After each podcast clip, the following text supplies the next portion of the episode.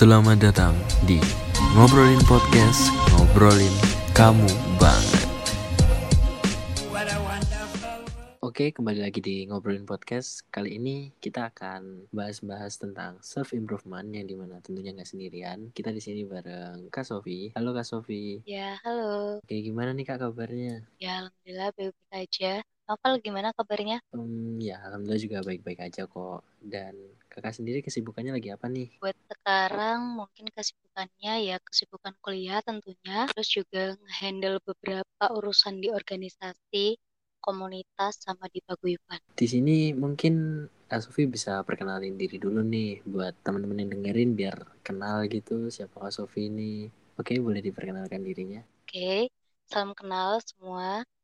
Namaku Sofi, aku mahasiswa semester 4 di salah satu PTN di Surabaya. Oke, di sini kita mau ngebahas nih yang di mana self improvement itu menurut kakak itu seperti apa yang dinyatakan bisa dibilang self improvement itu apa kak? Kalau buat aku sendiri sih self improvement itu gimana aku bisa mengembangkan potensi yang aku miliki, gimana aku bisa mengenal passion dan value yang aku miliki dan gimana aku bisa mengeksplor lebih jauh tentang diri aku. Oke, di sini mungkin kakak ada cerita nih yang bisa di, bisa disampaikan untuk didengar teman-teman yang di mana katanya kakak sendiri pernah berada di posisi yang benar-benar jatuh dan sampai bisa kembali lagi di titik ini tuh ada cerita apa gitu di balik semua itu?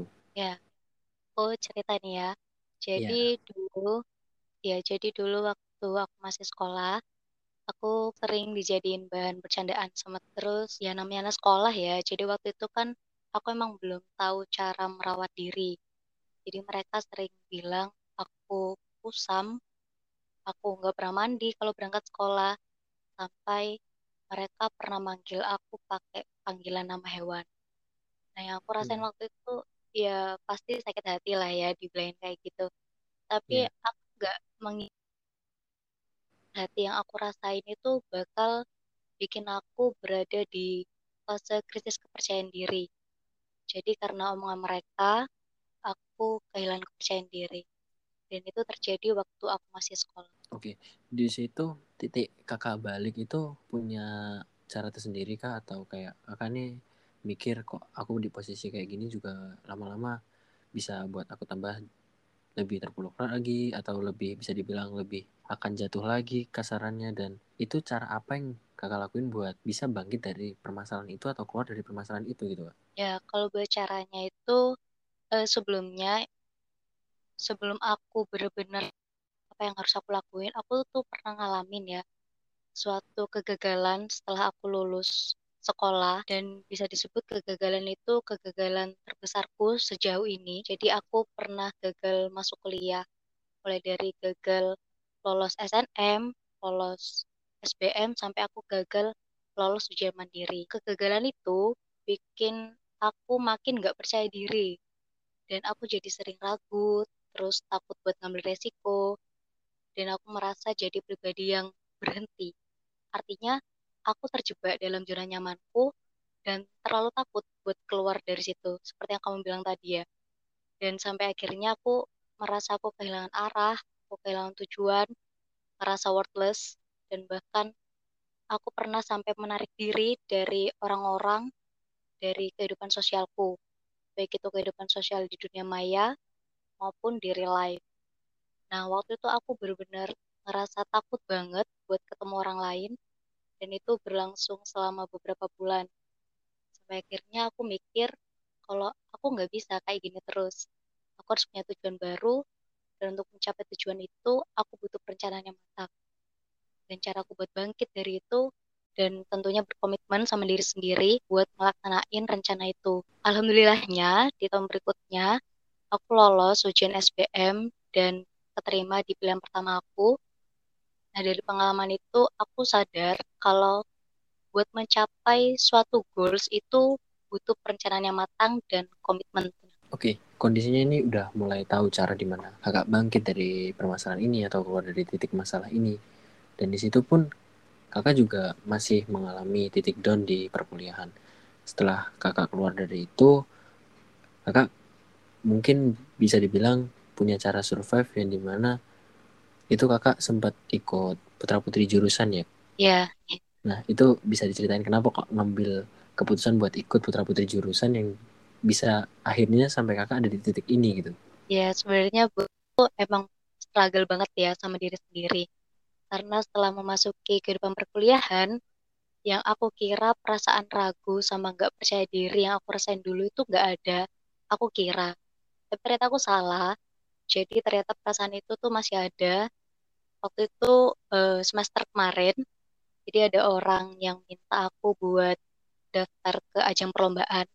Masih belum ke pemilihan putra-putri. Itu ajang perlombaan yang lain. Dan waktu itu aku tolak. Nah terus habis aku tolak itu orang itu bilang ke aku, masa mau gini-gini aja sih Sof? Kayak gitu dah. Dari omongan dia, aku langsung overthinking gitu ya. Cewek ya, apa-apa kan dimasukkan ke pikiran gitu. Jadi iya ya aku langsung overthinking terus aku jadi nyadar, oh ternyata sampai kuliah pun aku masih takut buat mencoba hal baru. Ternyata lagi-lagi aku terjebak di zona nyamanku. Nah, sebenarnya waktu itu aku yakin kalau aku tuh mampu, tapi aku masih terlalu ragu buat buktiin ke diri aku sendiri kalau aku tuh emang mampu.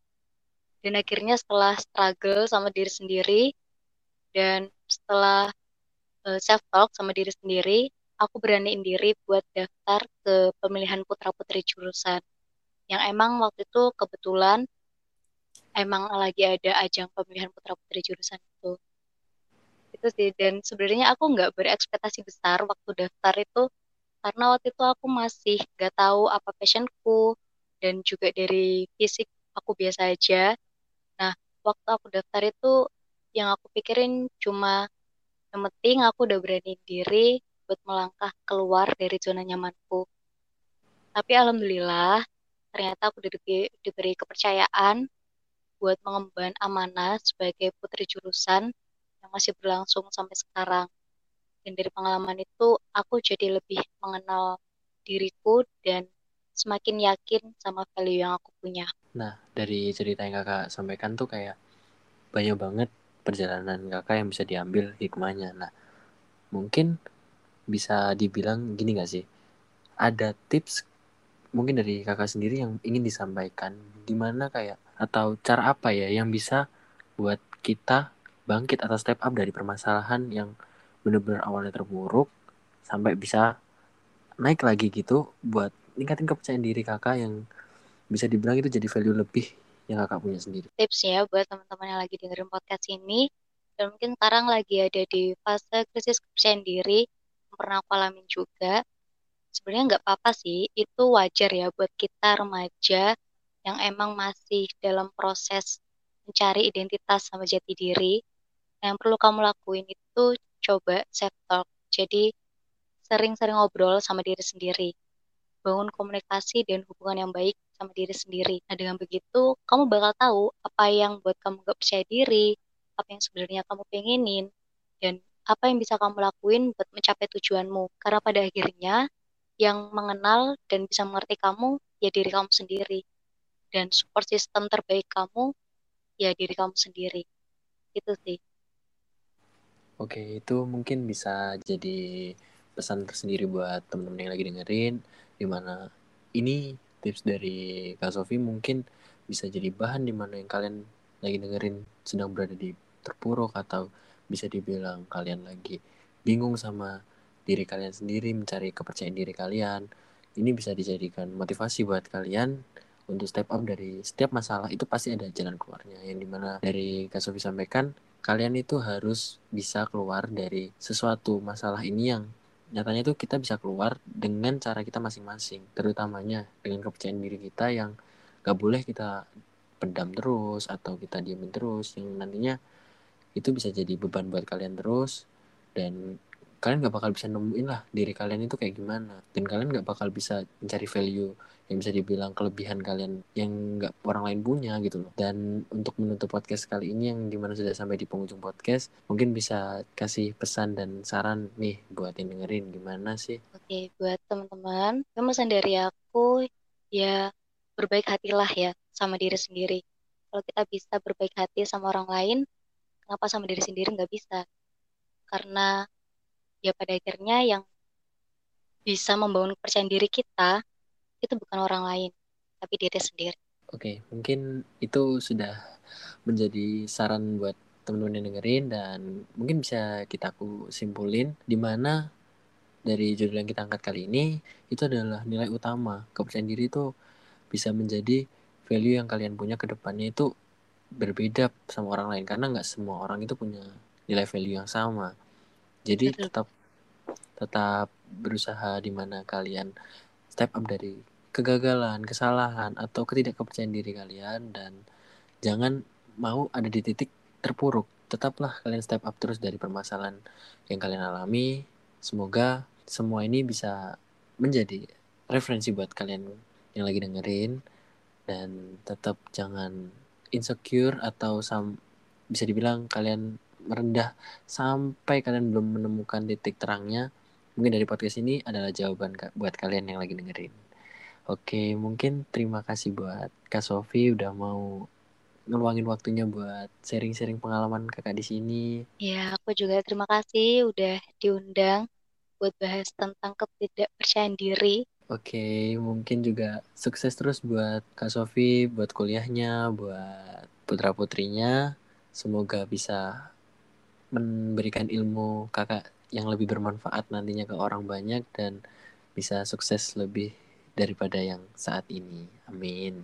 Oke, okay, bisa. buat Oke, okay, terima kasih juga dan mungkin mungkin bisa kita tutup kali ini. Sekian dan see you.